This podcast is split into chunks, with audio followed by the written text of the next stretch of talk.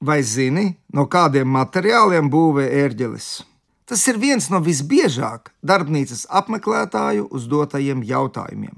Sāksim ar koku materiāliem. Korpus, plēšas, vēlādes, gaisa kanāli, dažādas sīkas mehānikas detaļas, ieskaitot taustiņus, kā arī stabules. Visas šīs detaļas top no koka. Senāk amatnieki ļoti rūpīgi sagatavoja koksni, jo no tā ir atkarīga izstrādājumu ilgmūžība.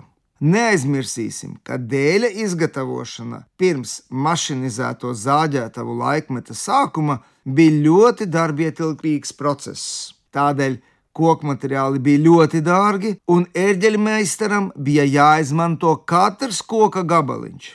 Vislabākos koku materiālus bez zariem. Ar taisnu šķiedru izmantoja vēlādēm. Tā ir galvenā ērģeļu sastāvdaļa, kur arī ir salīmēta no simtiem detaļu. Visbiežāk vēlādi izgatavo no ozola, jo sevišķi lielākiem instrumentiem kopējais stabuļu svars ir pamatīgs. Pie tām visām kustīgajām detaļām ir jāstrādā nevainojami. Stabulēm dēļus izmeklēt jau ir vienkāršāk. Mazām stabulēm nav grūti izzāģēt dēlīti ar skaistu, smalku šķiedru bez zariem. Savukārt lielām stabulēm zars nav pārāk liels traucēklis. Tos no iekšpuses aizlīmēja ar ādu. No sliktākajiem dēļiem, ar sērdi, daudziem zariem, gatavoja korpusu aizmugurējās sienas, plēšu klājas un citas mazāk svarīgas un neredzamas detaļas. Latvijā stabulēm visbiežāk izmantojam priedi, jo tās koksne ir pietiekoši blīva un gaisa necaurlaidīga. Citās zemēs izmanto kokus, kuri tur visbiežāk sastopami.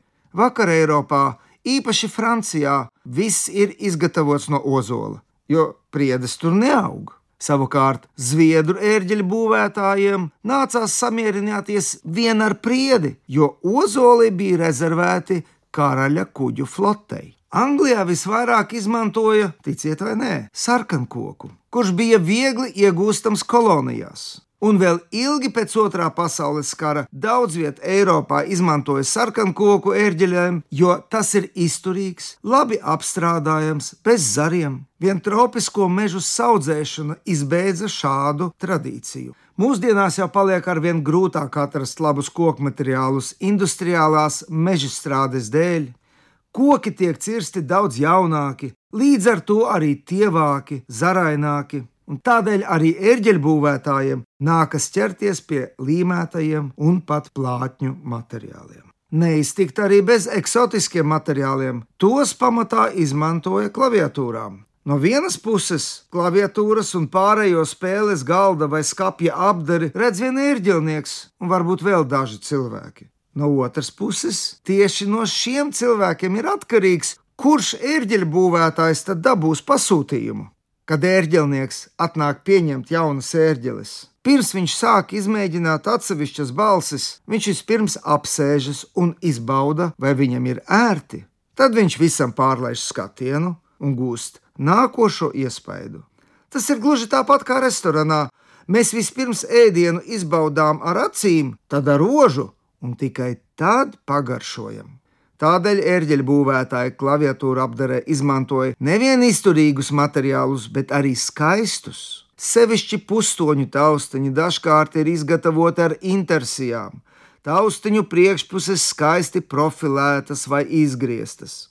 Taustiņu uzlīmēm visbiežāk izmantoja ēbenkoku, ko mēs saucam par melnkoku. Tas bija viscietākais un arī visvieglāk pieejamais eksotiskais koks.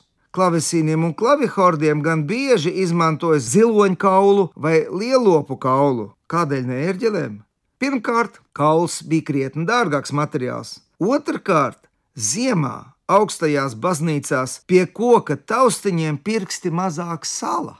Par metāliem runājot, visvairāk ērģeļu būvē izmantotais metāls ir svins, tam seko alba. Par labāko materiālu metāla stabuļu izgatavošanai tiek uzskatīts svina un alvas sakausējums dažādās attiecībās. Tam ir vairāki iemesli.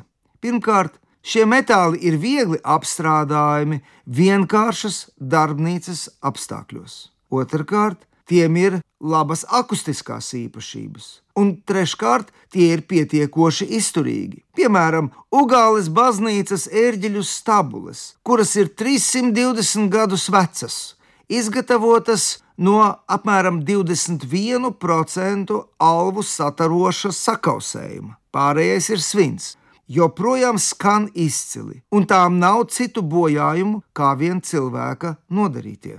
19. gadsimtā ļoti plaši sāka izmantot cinku, it sevišķi lielām stabulēm. 20. gadsimtā neobaroka laikmetā daudz izmantoja varu. Cinku joprojām lieto, bet no varas stabules gan vairs neizgatavo, galvenokārt estētisku apsvērumu dēļ. Svins joprojām ir galvenais metāls stabuļu izgatavošanā, un te nu jāpiemina, ka dažas topošas Eiropas Savienības direktīvas var padarīt svina izmantošanu amatniecībā neiespējamu. Ja tās tiks pieņemtas bez izņēmumiem, tad ērģeļbūves māksla Eiropā var izrādīties nopietni apdraudēta.